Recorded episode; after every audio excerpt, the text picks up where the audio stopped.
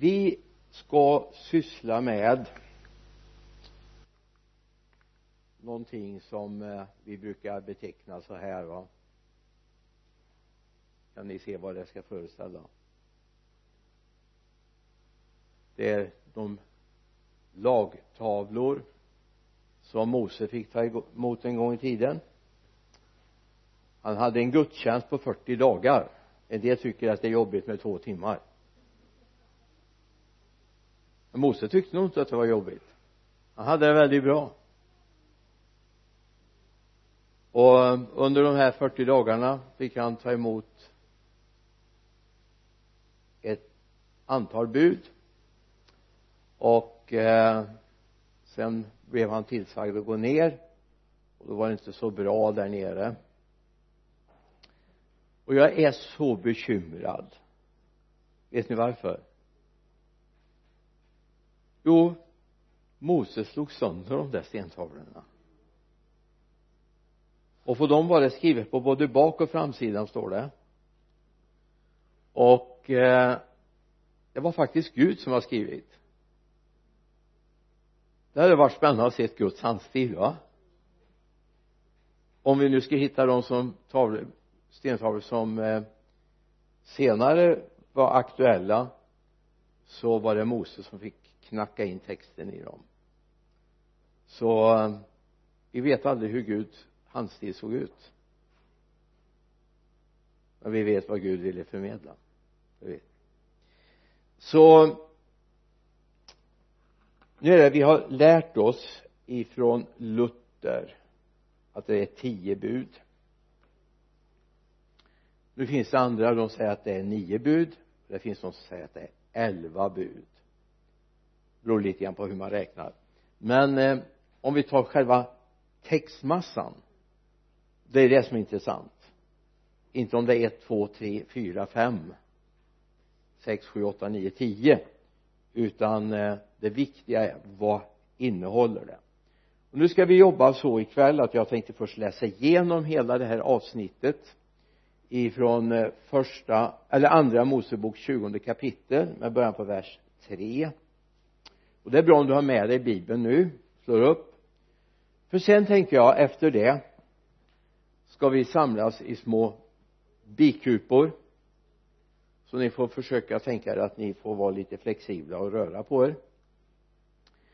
Och kanske jag ska vädja att någon tar hand om det här unga gänget här sen så de får en liten egen bikupa det blir väl bra. Och det ni ska fundera över när vi har läst igenom det här. Gäller det här idag? Är det fullt appliceringsbart 2018 det är ju ganska länge sedan det här kom till människornas kännedom, eller hur? Så det ska ni ha med men nu läser vi ifrån vers 3 du ska inte ha andra gudar vid sidan av mig du ska inte göra dig någon bildstod eller avbild av det som är uppe i himlen eller nere på jorden eller i vattnet under jorden. Du ska inte tillbe dem eller tjäna dem för jag herren din Gud är en nitisk Gud. Jag låter straffet för fädernas missgärningar drabba barnen till tredje och fjärde led. När man hatar mig men visar nåd mot tusentals när jag, man älskar mig och håller mina bud.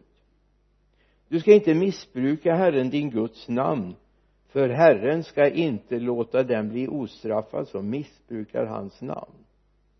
Tänk på sabbatsdagen så att du helgar den. Sex dagar ska du arbeta och uträtta alla dina sysslor. Men den sjunde dagen är Herren din Guds sabbat då ska du inte utföra något arbete. Inte heller din son eller dotter din tjänare eller tjänarinna eller dina, din boskap eller främlingen som bor hos dig inom dina portar. För på sex dagar gjorde Herren himmelen och jorden och havet och allt som är i dem. Men på sjunde dagen vilar han. Därför har Herren välsignat sabbaten och helgat den hedra din far och mor så att du får leva länge i det land som Herren din Gud ger dig. Du ska inte mörda. Du ska inte begå äktenskapsbrott du ska inte stjäla. Du ska inte bära falskt vittnesbörd mot din nästa. Du ska inte ha begär till din nästas hus. Du ska inte ha begär till din nästas hustru inte heller till hans tjänare eller tjänarinna hans oxe eller hans åsna eller något annat som tillhör din nästa. Amen. Det här är en liten del. Och jag ska bara säga så här att när jag började läsa bibeln en gång i tiden någon gång på stenåldern eller strax efter så eh, var det ingen som talade om för mig hur jag skulle läsa bibeln. Ingen. Jag bara visste att man ska läsa bibeln och det vet ni också, eller hur? Hoppas någon har talat om hur man börjar läsa bibeln. För mig var det ungefär som att säga att du ska låsa upp den här dörren. Men jag fick ingen nyckel. Så ja, första Mosebok är jättespännande. Andra Mosebok är också ganska spännande. Den tredje Mosebok då vart det lite körigt. Fjärde Mosebok var ganska jobbig också med alla uppräkningar och hur många var de här och där och så vidare va. Femte Mosebok då kommer man tillbaka nästan till andra Mosebok lite grann igen va. Sen var det spännande med Josua domarboken, Rut. Det var jättespännande. Och sen orkar jag inte längre. Tills någon talar om att men det är bra att börja med nya testamentet. Så du hittar nyckeln. Men nu har vi hittat ny, eh, nya testamentet. Vi har hittat nyckeln, eller hur? Så nu ska vi gripa oss an några viktiga frågor. Så nu ska ni få sätta er ner och så tar vi nu bara de här buden som finns ifrån i andra Mosebok 20 kapitel. Du får gärna titta i vers 1, 2 också som vi ska titta på om en liten stund.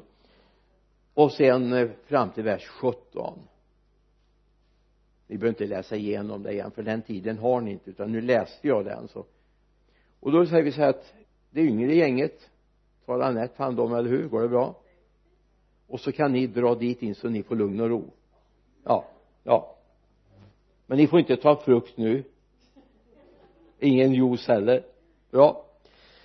Och ni andra fördelar på två grupper jämnt antal. Varsågoda. Ja du får följa med dit in om du vill. Du får sitta kvar hos Birgitta också om du vill. Ja det är kvar försök att hitta ja ni får ni det behövs några till över på den sidan.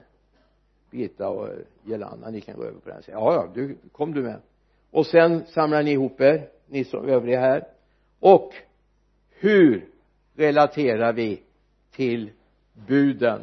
De här tio Guds bud tio Guds lagar. Varsågoda. Fundera lite grann. Det kommer inte bli, hinna bli någon djupdykning. Ni har 15 minuter max på er nu.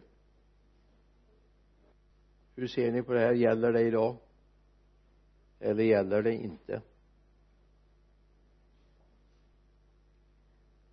Ni säger att det gäller eller? Jag kan väl säga att där är faktiskt inte kristenheten helt överens så ni är faktiskt lite grann på den konservativa ytterkanten.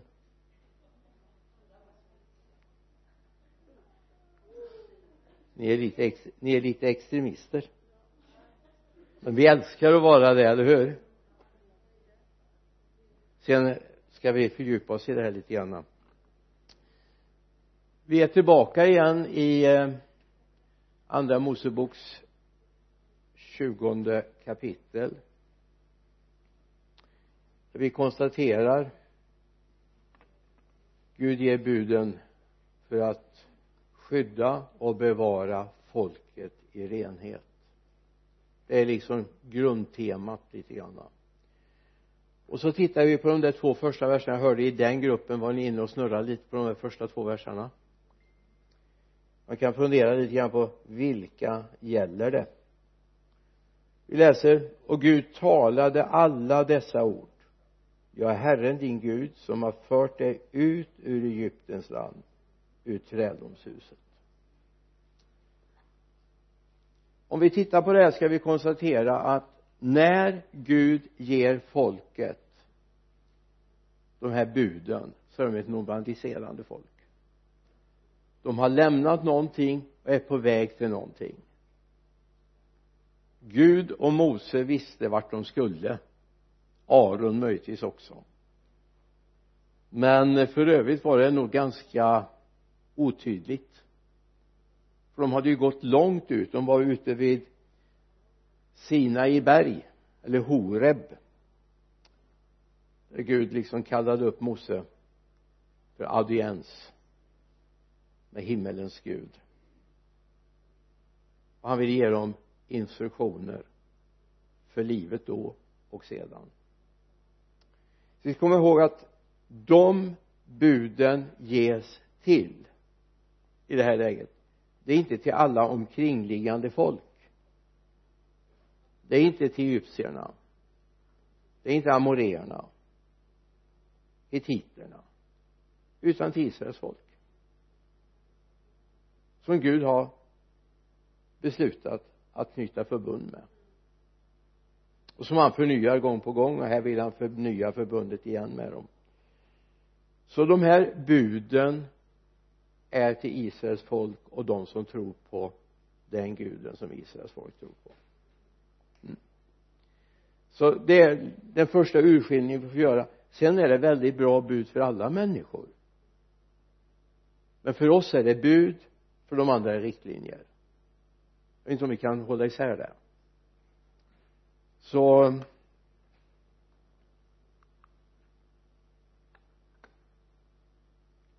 Guds tanke.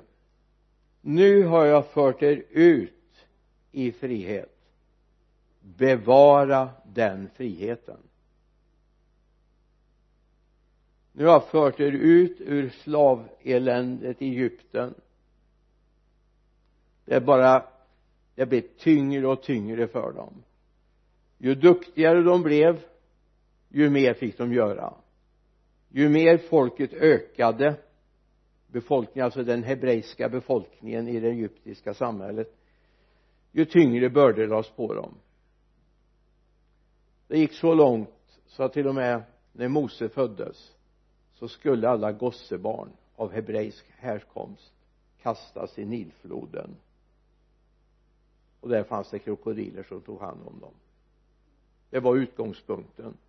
Det är i det läget som Gud kallar vid den här brinnande busken. Det är också ute vid Horeb. På Mose att rädda folket. Och nu är de på resa. Så att vi ska ha med det. Och bara för att ge en liten bild om det här med för en del tycker inte om lagar och paragrafer nämligen. Även kristna har jättejobbigt med lagar och paragrafer. Men om jag säger så här för att ta en väldigt enkel bild? En del av er har körkort, eller hur? Ni har körkort? Ah, ni har det inte än men ni längtar efter det. Ja. Nej. då kan jag bara tala om för er att man har rätt att köra vart man vill när man har körkort. Men det finns regler. Du får inte köra mot enkelriktning. Du får inte köra fortare än vad den angivna hastigheten är. Och du måste faktiskt släppa fram bilar som kommer från höger. Det finns alltså en mängd begränsningar i friheten. Och om vi då läser ett ord som står i Galaterbrevets femte kapitel vers 13 så finns det regler. Det finns lagar även för den kristna människan. Och det är ju den banan vi är nu. Ni är kallade till frihet bröder. Låt bara inte den friheten ni ger köttet något tillfälle utan tjäna varandra i kärlek hela lagen uppfylles i ett enda bud. Du ska älska din nästa som dig själv. Men om ni biter och sliter i varandra se då till att ni inte slukar varandra. Han är drastisk Paulus. Alltså det finns en frihet i, i att vara frälst. Jag är i harmoni med himmelens Gud. Men det betyder inte att jag får göra vad jag vill. Det betyder inte det framförallt ska jag se till att jag inte gör någonting som för mig in i frestelse. Och att jag missar målet med mitt liv. Så det här är inte märkligare än att det finns regler. Jag har körkort. Jag får köra vad jag vill. Jag får åka när jag vill. Men det finns gränser. Jag får köra faktiskt inte på vänster sida och höger sida. Jag får inte köra mot enkelriktning jag får inte köra fortare än angiven hastighet. Och jag måste ta hänsyn i trafiken. Det är ju någonting i och för sig som folk idag har väldigt svårt med. Men borde kunna klara så ha med det. Det finns också regler i det kristna livet som vi måste ta hänsyn till.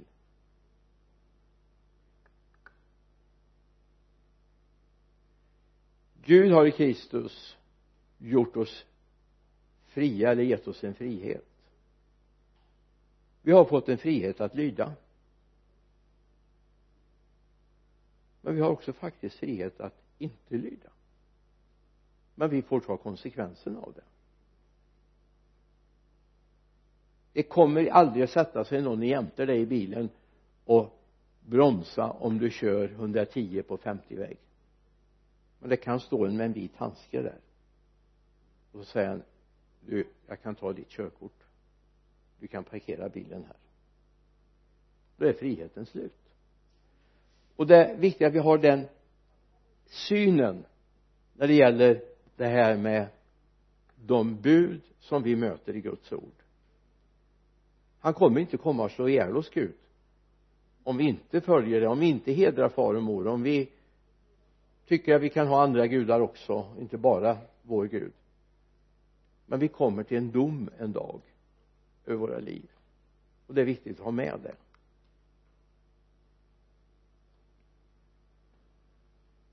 Kom ihåg Guds bud är aldrig en tvångströja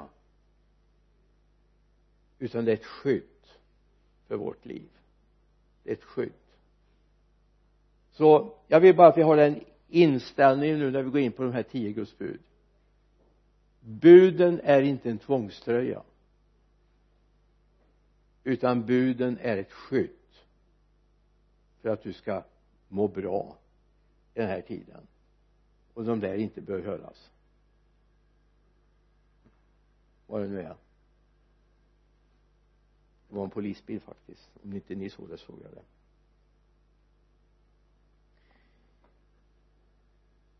Jag tror vi ska göra ett litet flytt till. Guds bud är till för livet här och nu. I himlen behöver vi inte dem. Vi kommer aldrig tänka en tanke när vi kommer hem till himlen att vi inte ska lyda Gud. Det är helt bortspolat då. Det finns inte en chans att du tänker tänka en sån tanke en gång. Eller kommer att tänka en sån tanke utan buden är till för här och nu när vi vandrar den här världen. Och vi ska titta lite grann ikväll på lite några delar av första bud som är ett väldigt komplicerat bud egentligen. Du ska inte ha andra gudar vid sidan av mig. Mm.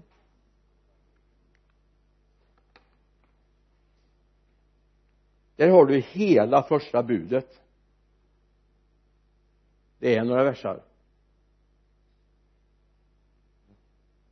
Det är alltså från tredje till och med sjätte versen. Det är första budet. Som börjar med du ska inga andra gudar ha vid sidan av mig. Vi läste igenom det här nyss så jag tror inte vi behöver läsa det. Och ni läste det kanske också i grupperna sen om de här buden. Och vi ska syssla med det här.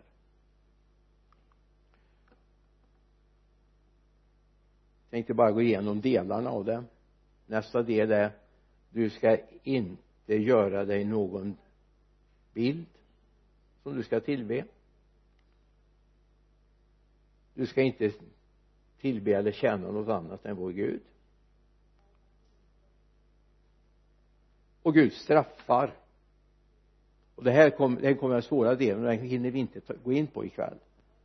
Det här med att Gud straffar både två och tre led för den som gör fel. Det finns svar på det också men vi får lämna det ikväll. Men de som lyder välsignar han i tusen led. Så det är en viss betydelse vilket hem jag växer upp i faktiskt.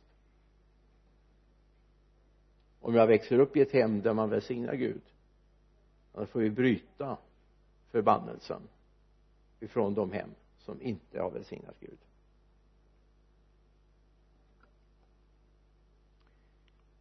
Men om vi börjar titta på vad är en gud för någonting? Att bara en gud ingen annan gud vid sidan om. Eh, vi sjunger en sång ibland eh, som vi har en, en i Lidköping som har svårt med. Fast det är ett bibelord. Eh, nu står det still i ska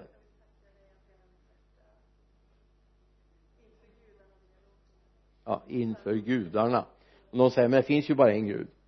Faktum är att det finns faktiskt gudar fast med litet g då i våran tradition ska vi säga. Vad är en gud? Alltså vi älskar den levande guden. Vi älskar han som har skapat himmel och jord det är honom vi talar om nu. Men det finns andra gudar. Ja men det finns en stor grupp människor som kallar Allah för sin gud. Eller hur? Det är också en gud. Ska vi tala om hinduismens alla gudar? Buddhismen. Shintoismen. Vi ska kunna gå igenom. Det finns gudar men om vi bryter ner det ännu mer vad är, vad är det karaktäristiska för en gud? Ja det karaktäristiska är ju någon som jag vill lyda och som påverkar mitt liv. Jag hörde ni prata om vad som kan finnas i hemmen och som kan påverka och ta bort tiden. Och det är lite olika i vilken generation vi är men det finns alltid sådant som vill vara gudaväsen och styra vår tillvaro. En av de mest kända i bibeln kända det är den vi läser om i Matteus 6 och 24 om jag får, om du slår upp den jag kan läsa det först som det står. Ingen kan tjäna två herrar. Antingen kommer han att hata den ene och älska den andra eller hålla sig till den ene och förakta den andra ni kan inte tjäna både Gud, då med stort G, och mammon. Jag tror inte man gör fel om man travesterar och, och, och läser så här. Ingen kan tjäna två gudar. Antingen kommer man att hata den ena och älska den andra eller hålla sig till den ena och förakta den andra ni kan inte tjäna både Gud och rikedomens Gud. Alltså när pengarna för möjligheten att tjäna pengar styr så att jag inte har tid med Gud. Och då säger en del ja men jag måste ju jobba jag måste försörja mig. Ja du måste du. Men har du läst att det står att Herren är vår försörjare? Det är en av Guds egenskaper faktiskt. Jag tror att vi måste börja om vi ska förstå det här börja våga bryta ner det. Vad är det som styr min tillvaro? Och hur stor plats får Gud i min tillvaro? Får alla hans egenskaper Herren min läkare och så vidare Herren mitt beskydd, mitt baner och så vidare får de också plats? Herren min försörjare. Ibland känner jag så jag skulle vilja utmana dig lite grann alltså Gud är så otroligt mycket större. Sen säger jag inte att du ska slarva med arbetet. Jag menar på att det finns ett annat skäl till att vi arbetar inte för att försörja oss. För då blir det en gud. Om det är det som styr mitt liv. Men jag är på arbete av ett annat skäl. Jag hoppas du är där också. Det är för att du ska få berätta om honom som du älskar. Det finns få kontaktpunkter som är så viktiga som arbetet. Och då betyder det inte att jag behöver predika i varje lunchrum eller alltid. Fick ett underbart vittnesbörd häromdagen av en syster i herren som jobbar inom sjukvården. På hennes jobb fanns en patient som låg för det yttersta. Och hon hade det på sin del.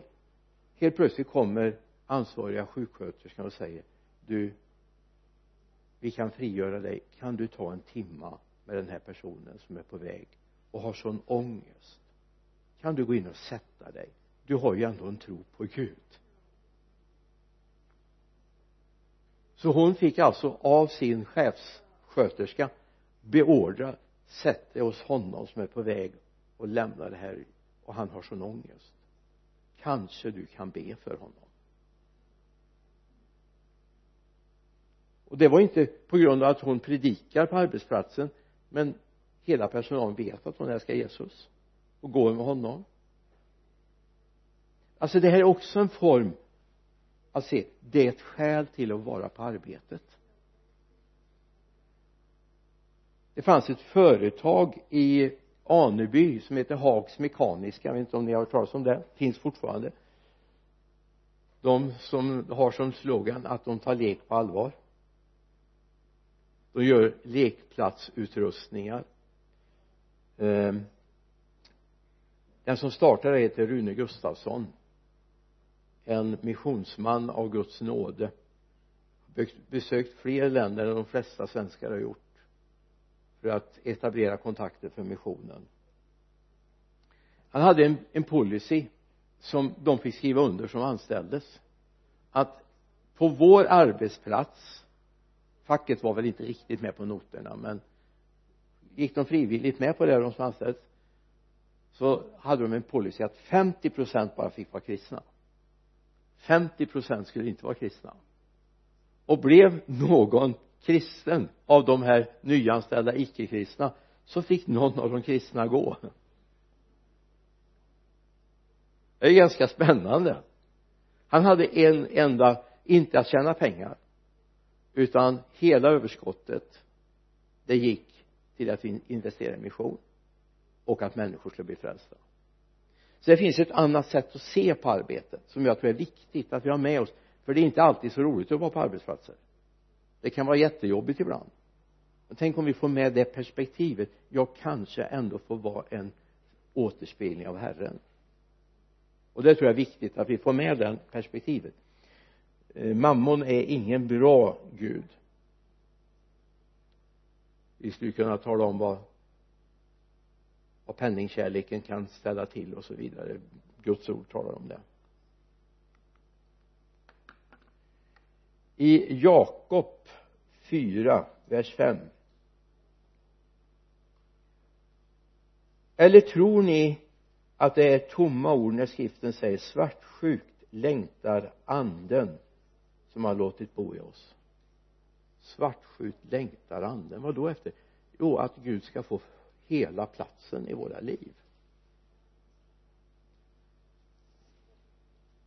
Alltså Gud har låtit sin ande bo men han längtar efter att få ta över hela mig inklusive min tankevärld, mina känslor, liv, alltihop. Och att jag får en annan prioritet i mitt liv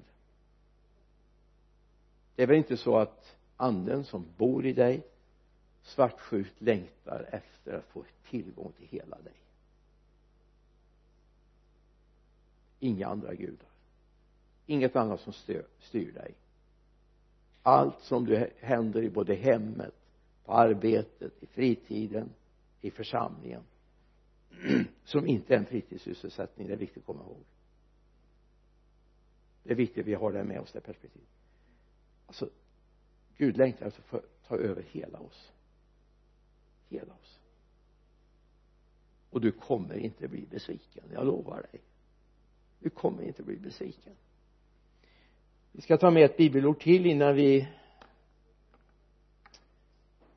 äta frukt. Det säger Paulus i andra Korinthierbrevet 11 vers 1 till 3 hoppas ni kan stå ut med lite dårskap från min sida. Visst står ni ut med mig. Och så säger han eftersom jag brinner för er med Guds iver. Jag har trolovat er med en enda man Kristus och vill föra fram en ren jungfru till honom. Men jag är rädd att liksom ormen med sin list förledde Eva så kan också era sinnen förföras och vändas bort från den uppriktiga och rena troheten mot Kristus. Det här är en spännande bild. När församlingsmedlemmarna då här i Korint men det var också gällde de andra församlingarna tog emot Jesus och han fick vara med och se att de tog emot honom så säger han, han använder en bild. Jag har trolovat er med Kristus nu är trolovningen någonting vi inte vet i vår tid vad det är för något för det är inte förlovning det handlar om. Det är viktigt att komma ihåg. Trolovningen det är när man har beslutat att nu ska vi gifta oss. Och nu lovar vi att vara trogna fram till dess äktenskapet kan konstitueras. Vi har ingen trolovningsceremoni i Sverige. Borde ha det. Från den stunden från det att jag trolovad så har jag ingen rätt att ens snegla på någon av det andra könet. Jag har ingen rätt till det. Och det är den bilden han lyfter upp. Ni är trolovade med Kristus. Och en dag vill jag föra fram er som en ren jungfru inför honom. Alltså någonting oskuldsfullt inför honom och då får vi ju inte ha sneglat och ha lite kärlek till andra gudar och styras av lite andra tankegångar och vad kompisarna vill och så vidare. Så det här är första delen av att inte ha andra gudar. Ska jag gå vidare? Och ska vi titta på det som står efter att det liksom själva budet du ska inga andra gudar ha jämte mig kommer. Så kommer det någonting som är oerhört viktigt som vi har med oss. Och det står du ska inte göra dig någon bildstod eller avbild av det som är uppe i himlen eller nere på jorden eller i vattnet under jorden. Du ska inte tillbe dem eller tjäna dem för jag Herren din Gud är en nitisk Gud jag låter straffet för fädernas missgärningar drabba barnen till tredje och fjärde led när man hatar mig.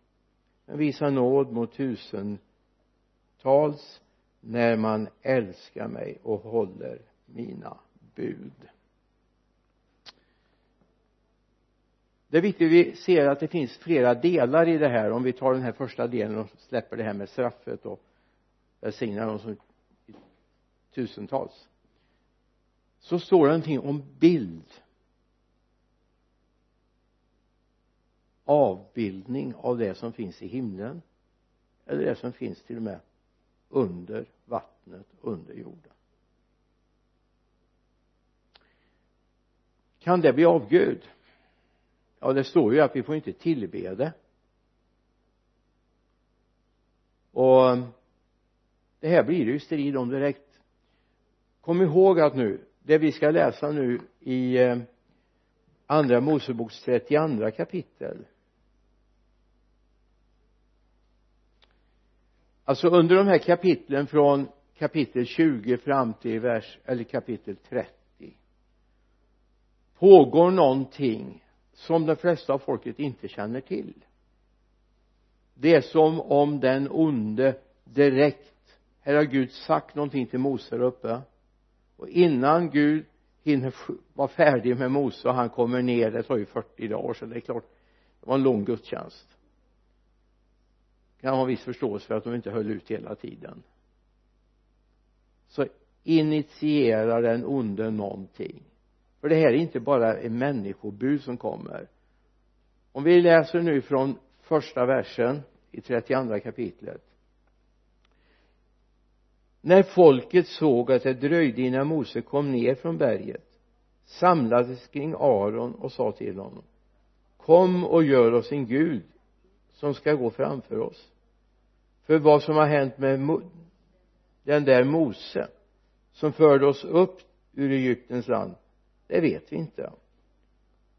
Då sa Aron till dem ta guldringarna som era hustrur, era söner och era döttrar har i öronen och ge dem till mig då tog allt folket av sig guldringarna som de hade i öronen och bar dem till Mos Aron.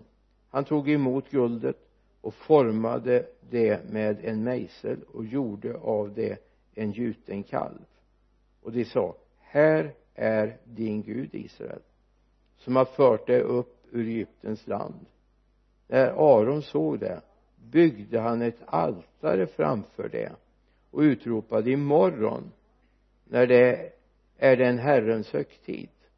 Nästa dag steg de upp tidigt och offrade brännoffer och bar fram gemenskapsoffer.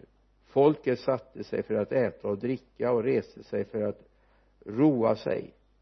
Då sa Herren till Mose gå dit ner för ditt folk som du har fört upp ur Egyptens land drar fördärv över sig. De har redan vikit av från den väg som jag befallde dem att gå. Det var de har gjort sig en gjuten kalv som de har tillbett och offrat åt och sagt här är din Gud Israel som har fört dig upp ur Egypten. Herren satte ytterligare, sade ytterligare till Mose jag har sett detta folk och se det är ett hårdnackat folk. Låt mig nu vara så att min vrede kan brinna mot dem och förtära dem. Dig ska jag göra till ett stort folk. Men Mose bönföll inför Herren sin Gud och sa Herre varför skulle din vrede brinna mot ditt folk som du har fört ut ur Egyptens land med stor kraft och stark hand? Därför skulle egyptierna få säga varför skulle egyptierna få säga till deras olycka har han fört dem ut fört ut dem för att döda dem bland bergen och utrot, utrota dem från jordens yta. Vänd dig från din glödande vrede och ångra det onda du har i sinnet mot ditt folk. Kom ihåg Abraham och Isak och sen kommer det som och Gud ångra sig. Alltså det här är ju en gudsbild som vi inte riktigt känner igen va? Gud kan ångra sig. Alltså jag, jag är personligen väldigt gripen av den här händelsen. Du skulle kunna läsa ända en bra bit till till vers. Ja, jag har inte tagit fram det. Till vers 24 men se alltså två saker kan vi ta av det här va? Å ena sidan samtidigt som Mose får instruktionerna uppe på Sinai berg. Samtidigt som Gud mejslar in det här i stentavlor. Och nu var de färdiga. Så ingjuter den onde ett uppror mot Gud. Jag vet inte du får gärna sätta en liten parentes omkring det men Aron som Mose ändå hade vädjat till Gud att få ta med sig. Jag är ingen talför man säger Mose. Så låt mig få min bror Aron med mig.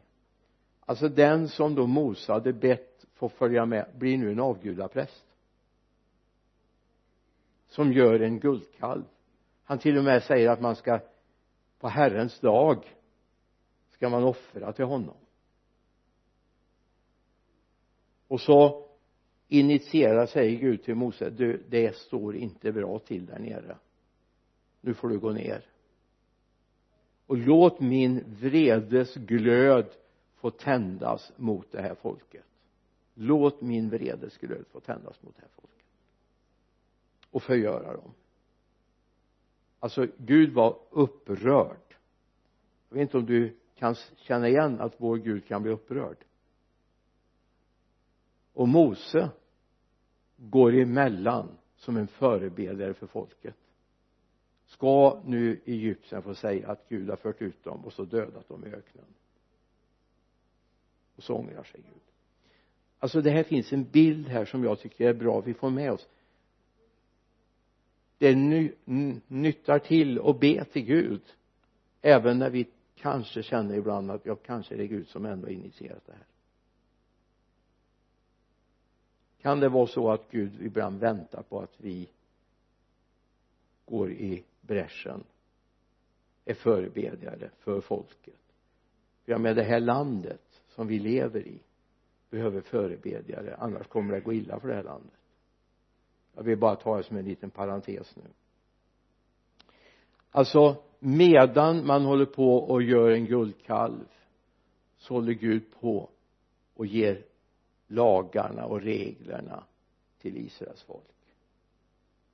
Ser du det försåtliga? Det här finns med i det här paketet om tio Guds bud som är viktigt vi har med oss. Gud får återupprätta det här för folket. Det finns lagar och det finns en Gud som är helig. Låt oss aldrig tappa bort det. Låt oss aldrig tappa bort det. Och vem är Gud? Ja det är den som styr över min tillvaro. All den här som säger att ja men du måste du måste. Det är nödvändigt det går inte annars funkar inte om inte du gör det här. Då har det blivit en gud för oss och vi ska inte ha andra gudar vid sidan av den gud som vi har beslutat oss för att följa. För det är oss som han har tagit ut ur Egypten. Vi kan inte lägga det här på världens människor. De borde leva efter det. Men vi ska leva efter det. Alltså ser du skillnaden? Folket borde leva efter det. Men vi ska leva efter det. Vi ska inte ha någon annan gud men de som ännu inte har lärt känna Gud har ingen gud. Men de borde lära känna honom.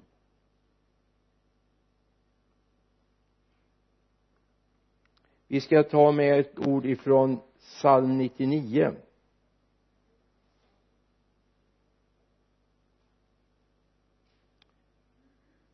det står i vers 5 upphöj Herren vår Gud. Tillbe vid hans fötters pall. Helig är han.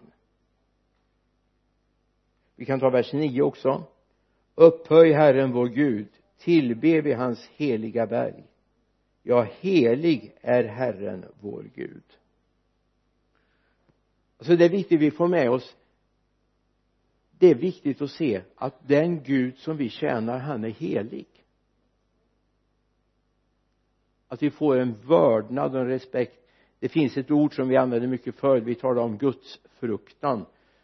Det är bara att väldigt få kan och förstår vad gudsfruktan är därför tycker jag om när det står i de nya översättningarna Guds vördnad. Att vörda Gud. Vad är det att vörda någon? Ja det är att ha respekt för. Att respektera. Man kommer inte och säger tjänare Gud. Utan man har respekt för vår Gud för han är stor. Det är viktigt att komma ihåg. Det här har med tider alltså jag är notorisk när det gäller tider i kyrkan. Det har med min gudsfruktan att göra det har med min gudsvördnad att göra. Alltså har jag en helig gud då är jag på plats i tid. Det därför det är Gud jag möter. Det är inte bara massa syskon. Det är underbart att möta. Men jag kommer för Guds och det här lärde mig min farmor när jag ännu inte var frälst. Så jobbade hon enormt mycket med mig om det här. Men det är ju en helig Gud vi ska möta vad gör jag när jag är på gudstjänsten? Vad sysslar jag med när jag är där? Därför jag är inför en helig Gud. Och jag tror att det är viktigt vi får med det. Det här har med ha inga andra gudar bredvid Gud vid sidan av. Vi har inget annat utan jag har Gud. Och det räcker. Ska vi gå vidare?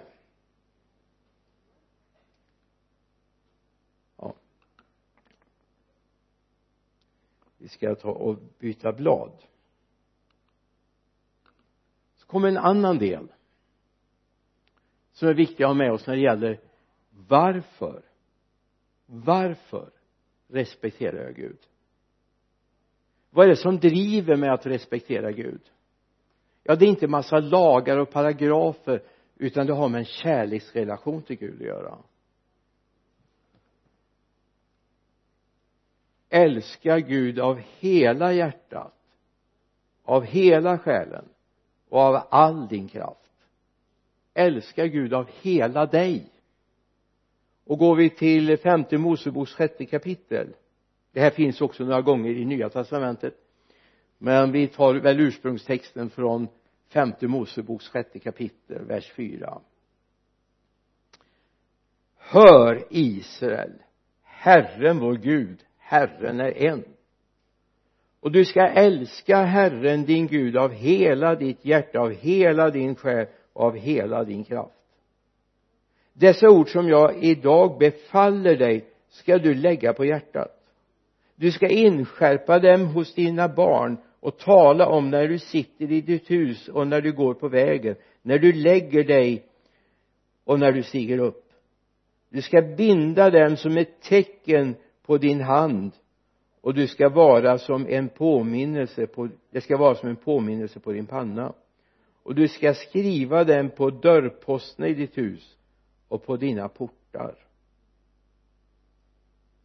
Älska Herren din Gud av hela ditt hjärta. Hur mycket plats finns det för att älska något annat då?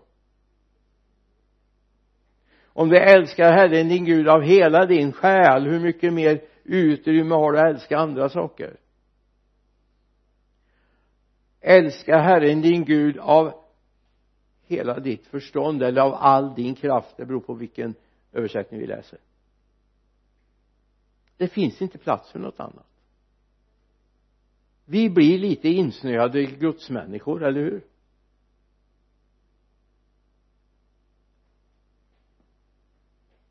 Alltså vi är helt intagna av honom hoppas jag.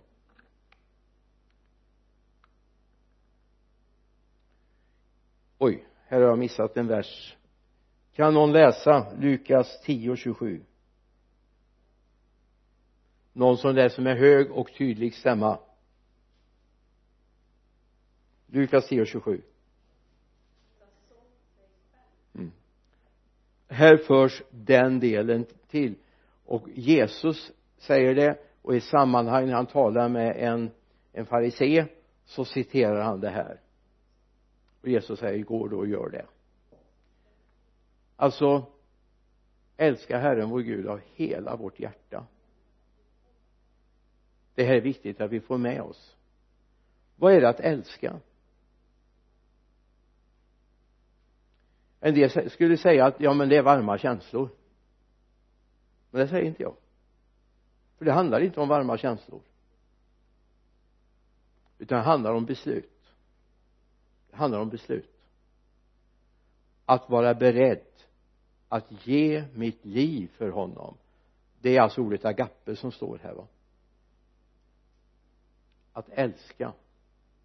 Utgivande. Vara beredd att ge sitt liv jag älskar honom så mycket så jag är beredd att ge mitt liv av hela mitt hjärta. Nu är vi väldigt lyckligt lottade i den här delen av världen. Det är inte så många av oss här. De som kommer från Iran vet lite mer vad vi pratar om nu. Och kommer man från Afghanistan vet man det väldigt väl. Irak likaså. Så vet man vad det kostar att vara kristen. Här har vi det ganska bra. Eller hur? Ändå kan vi vara väldigt bekymrade om någon tycker illa om att jag är kristen. Men låt mig få ge dig en bild. Du vet även om du skulle vinna en miljon så kommer det vara människor som avundsjuk. Eller hur? Om någon får reda på dina klasskompisar eller någon i, i i trappuppgången eller i, i bostadsområdet reda på men de har vunnit flera miljoner. Varför är de så gnidna? Varför kan inte de dela med sig till oss? Avundsjuka finns. Vi har vunnit det som är mer än miljoner på ett lotteri, eller hur? Vi har vunnit livets högsta vinst. Och då är det inte så underligt om människor är lite avundsjuka. Det är bara att vi kan dela med oss. Vi kan berätta du kan få det också. Men det kostar ett pris. Det kostar ett pris. Men inte om du tänkt på det att vara kristen kostar ett pris? Du måste ge upp ditt eget liv. Om du ska älska honom. Det finns ju inte plats att älska något annat. Att vara beredd att ge sitt liv för. Men det är värt det. Det är värt det. Jag menar det står inte om många martyrer i bibeln det står om en Stefanus. I apostlagärningarna. Alltså när de är på väg att döda honom kastar stenar på honom. Det måste ju vara ett fruktansvärt sätt att dö på egentligen va? Stora stenar slänger de på honom. Och de ger sig inte förrän livet är utplånat. Men vad ber han? Far förlåt dem. De vet inte vad de gör. Tillräknar de inte denna synd? Därför han var på väg hem.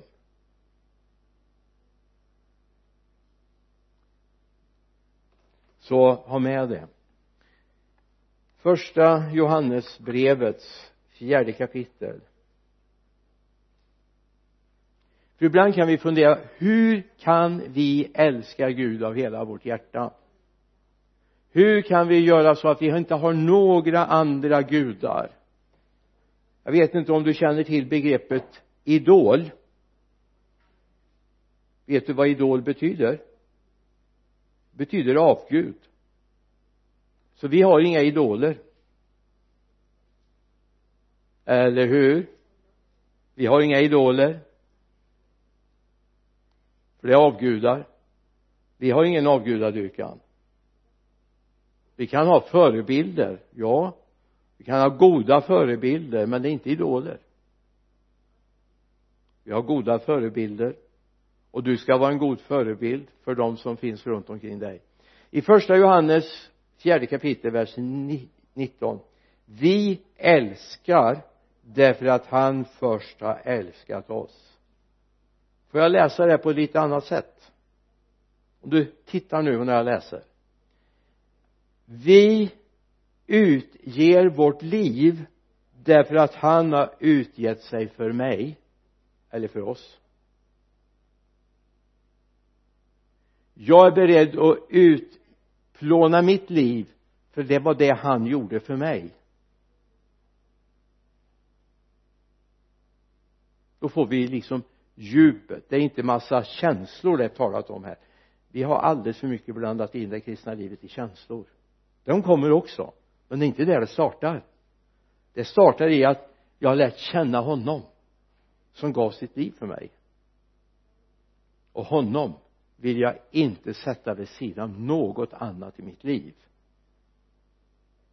Jag vill inte sätta det vid sidan av något annat i mitt liv. Han är först. Han är bäst. Det är han som bär upp mig. Det är honom jag har att tacka för att jag får leva eller hur? Amen. Nu kommer ett sånt där ord som du har längtat efter länge.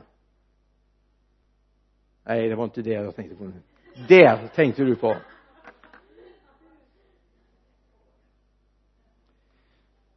Den där frågan som finns i den vita den får du ta med dig. Hur uttrycker du det här? När vi går härifrån nu hur uttrycker du det? Det kommer alltså om du tar Jesus på hundra procent allvar så kommer du stöta på problem. Skulle till och med kunna säga säg problem. För du kommer få, problem. Om du tar Jesus på hundra procent allvar. Om du beslutar dig för att lämna all kompromiss. Ja men jag kompromissar inte. Ja men sätt dig ner och fundera så ska vi se. Finns det? När du beslutar dig för att han ska få nummer ett i mitt liv han ska få plats nummer två, nummer tre, nummer 157 och och sen kanske det kommer någon på plats 539 om han får de platsen i ditt liv. Jag ska säga att du kommer bli mycket bekvämare att göra med även för dem i din familj. Säkert. För helt plötsligt kommer du upptäcka att han älskar dem också. Och eftersom han älskar dem så älskar jag dem. Amen. Han älskar sin församling därför, därför älskar jag församlingen. Det startar alltid med honom. Men nu håller vi oss till det där ordet amen som står väldigt lite och försiktigt där nere i hörnet. Ja det var ett väldigt litet amen. Det betyder inte punkt slut. Den betyder låt det nu så ske det är amen. Låt det nu så ske. Så där du har liksom tänkt säg amen till det. Ska vi be? Herre jag bara tackar dig för det som du har i beredskap för oss. Tackar dig för att vi får fröjda oss i dig Jesus. Fröjda oss över det liv som du har i beredskap för oss. Jag tackar dig för det. I Jesu namn så ber jag herre för oss. Jag ber för hela vår församling. Jag ber för de relationer och situationer där vi finns. Herre hjälp oss att inte sätta något vid sidan av dig. Jag ber i Jesu namn. Amen.